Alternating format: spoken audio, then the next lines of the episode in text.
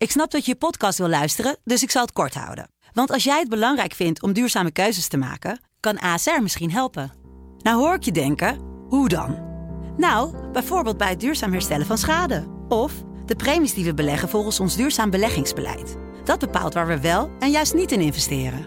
Wil je meer weten over welke duurzame keuzes ASR maakt? Ga dan naar asr.nl/slash duurzame keuzes. ASR doet het. Zo, dan kan je nu lekker naar je podcast luisteren. Ken je Eva? Eva is een vrouw die in het verleden niet de beste keuzes maakte als het op de mannen aankwam. Na de laatste teleurstellende relatie en het moeten opgeven van haar kinderwens besluit ze dat het helemaal anders moet. Een vaste relatie, daar is ze klaar mee. En dus is Eva aan het daten geslagen. Dit is het Dagboek van Eva. Een podcast van Vrouw. Dinsdag. Roy en ik zitten weer in een extreem goede flow.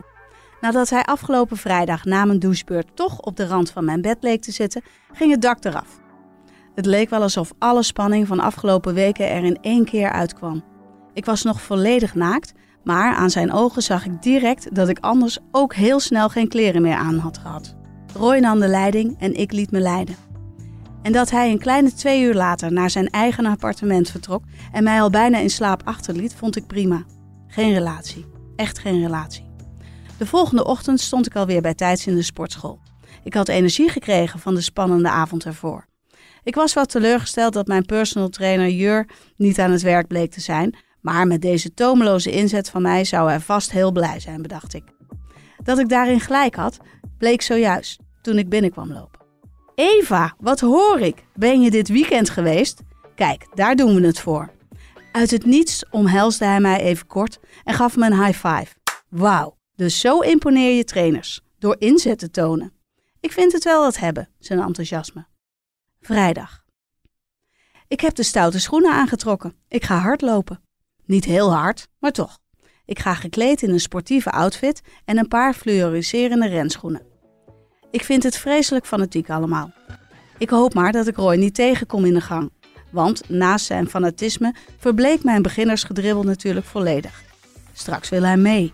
Ik moet er niet aan denken dat ik dan met mijn tong op mijn enkels al na 500 meter hijgend naast hem in elkaar zak. Als ik buiten sta, loop ik snel naar de kant van ons complex waar hij me niet kan zien wegrennen. Als ik wat meer geoefend ben, is het een ander verhaal. Maar nu wil ik nog even in stilte stuntelen. Als ik na een half uur bek af weer thuis kom en mijn hoofd alleen maar bij een koude douche heb, bots ik dan toch tegen hem op. Bij de lift. Ik ben bezweet en buiten adem. En Roy komt blijkbaar net uit zijn werk, want hij heeft een prachtig pak aan. Oh, wat is het toch een heerlijke vent om te zien. Ik voel me alleen zo onaantrekkelijk op dit moment dat ik me zo snel mogelijk uit de voeten wil maken. Zullen we zo even bellen? stel ik voor. Nee, ik ga nu met je mee. Ik weet dat er niets tegen in te brengen valt, maar voor de vorm sputter ik wat tegen. Ik zie er niet uit. Geef me een half uurtje de tijd. Nee, ik heb geen half uurtje de tijd. Dit moet nu gebeuren. Ik voel hoe zijn hand dwingend mijn arm pakt en hij me meetrekt naar zijn appartement. Woensdag. Ik ga expres verkeerd op het apparaat zitten waar Jur een goede oefening heeft ingepland. Hij is heel lijfelijk ingesteld en zal het niet nalaten om aan me te zitten.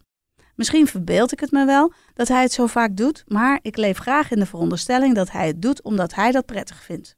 Ik vind het in elk geval zeker prettig.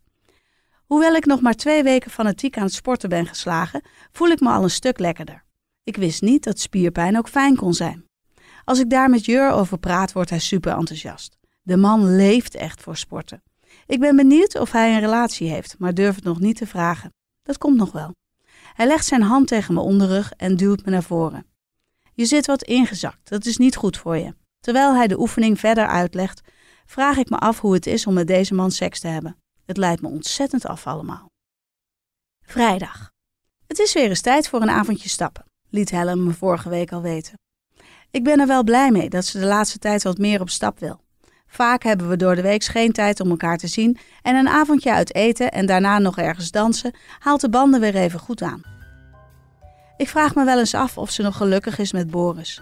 Ik zie hoe ze geniet van de aandacht die ze hier van andere mannen krijgt.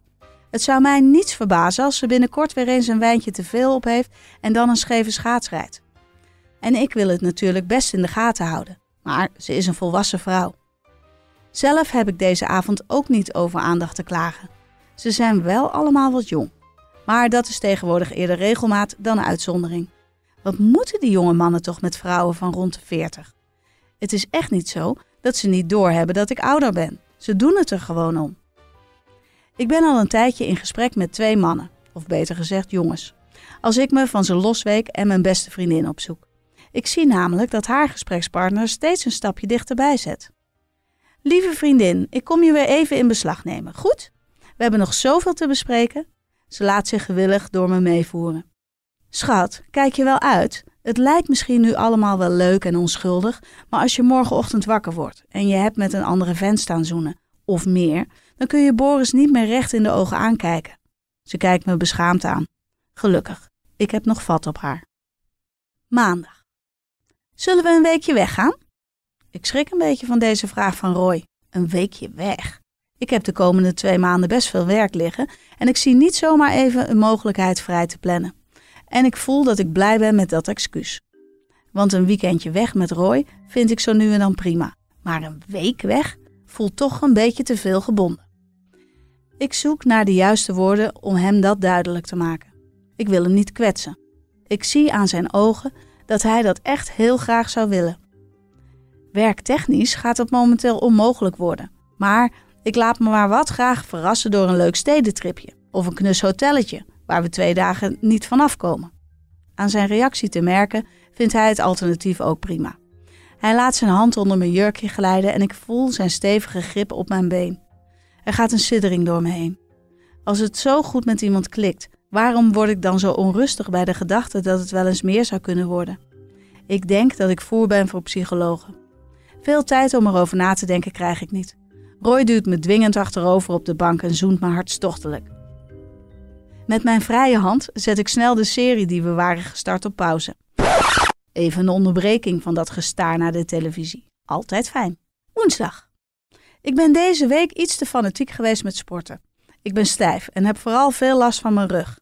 Ik had mijn afspraak met Jur voor vandaag misschien beter af kunnen zeggen, maar ik krijg wel energie van de sportschoolbezoekjes.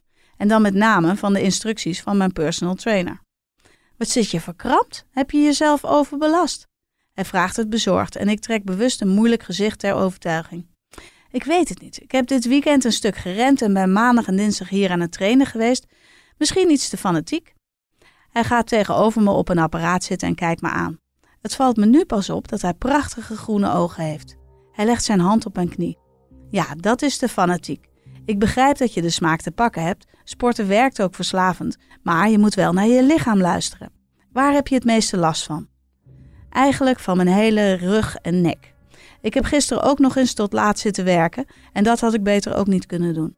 Nee, ik vind je een lieverd, maar ik ga je nu naar huis sturen. Wij verzetten onze afspraak. Ik heb vrijdag nog wel een gaatje. Neem een warm bad en loop anders even langs onze masseur. Zijn zorgzame houding raakt me. Het voorstel van de masseur staat me wel aan. Hoewel ik liever had gehad dat Jur het zelf had gedaan. Dinsdag. Ik zit bij Helen op de bank. We hebben een avondje bijkletsen ingepland. Het valt me weer eens op hoe mooi en opgeruimd haar huis is. Twee kinderen, een drukke baan. Ik vraag me af hoe ze het allemaal doet. Jij hebt geen schoonmaakster, toch? Ze schiet in de lach. Nee, ik heb dat wel even geprobeerd, maar ik kreeg er de zenuwen van. Ik vind het niet prettig dat er iemand anders aan mijn spullen zit als ik er niet ben. Ook al is het doel schoonmaken. Daarbij, het is mijn workout. Ik vind het heerlijk om na mijn werk nog even fanatiek te stofzuigen of de ramen te lappen. Dan heb je geen sportschool meer nodig. Ik veer op. Sportschool. Daar heb ik haar nog niks over verteld. Ik heb een personal trainer, Jur. Meid, je moet een keer met me meegaan. Echt zo'n sportschooltype. Breed, bloedfanatiek. Zo niet mijn type, maar hij wint me vreselijk op. Helen schudt meewarig haar hoofd. Eefje, toch. Je bent gewoon mannen aan het sparen. Jonge jongen, dominante zakenman, breed sportschooltype. Wat gaan we allemaal nog meer krijgen? Nou, ik heb nog wel een paar jongens op mijn verlanglijstje staan, droom ik hardop. Maar vertel, wat heb je allemaal al met je sporthunk uitgevroten? En uh, hoe is het met Roy eigenlijk? Ik vertel haar over het weekendje weg dat hij wil plannen en mijn onbestemde gevoel. Volgens Helen ben ik op hem uitgekeken. Misschien heeft ze daar gelijk in. De spanning is er vanaf. Vrijdag. Weet je wat intervaltrainingen zijn? Jur vraagt het me terwijl ik in een onmogelijke pose aan een apparaat hang. Ik schud mijn hoofd. Praten lukt nu even niet. Jij loopt waarschijnlijk zo lang mogelijk door totdat je niet meer kunt. Ik knik. Door rennen af te wisselen met lopen train je intensiever en effectiever. Ik zie mijn kans schoon en ga rechtop zitten. Kun jij anders niet een keertje met me mee? Of ben je daar niet voor in te huren? Ik probeer het op die manier nog een beetje het gevoel van een zakelijke overeenkomst mee te geven, maar mijn doel is vooral hem hier uit die sportschool weg te krijgen en hem eens één op één te zien.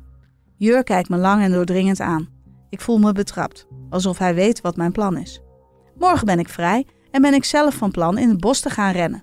Tien uur afspreken? Dat was precies waar ik op hoopte. Dat hij het in zijn vrije tijd zou doen. Nog gemotiveerder dan ik al was, vervolg ik mijn oefeningen. Wie had ooit gedacht dat ik nog eens zin zou hebben in een intervaltraining? Maandag. Ik was gesloopt, helemaal bezweet en ik had absoluut alles gegeven wat ik in me had.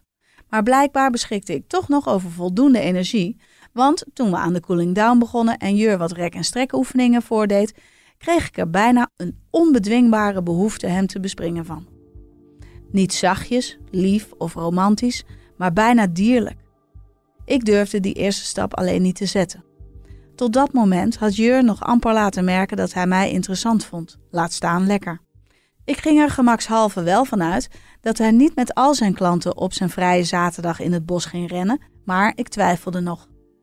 Wat als hij me zou afwijzen? Ik was nog nooit afgewezen, mede omdat ik geen risico's nam. Het zou me te gênant lijken.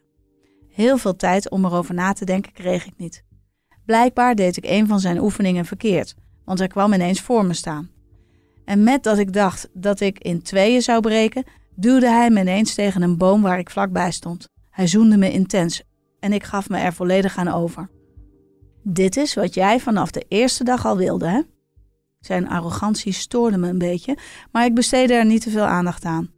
Rij je met mij mee naar huis? stelde hij gelukkig snel voor.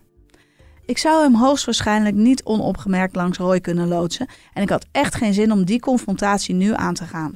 En daar, in zijn minimalistisch ingerichte mannenhuis, hadden we seks.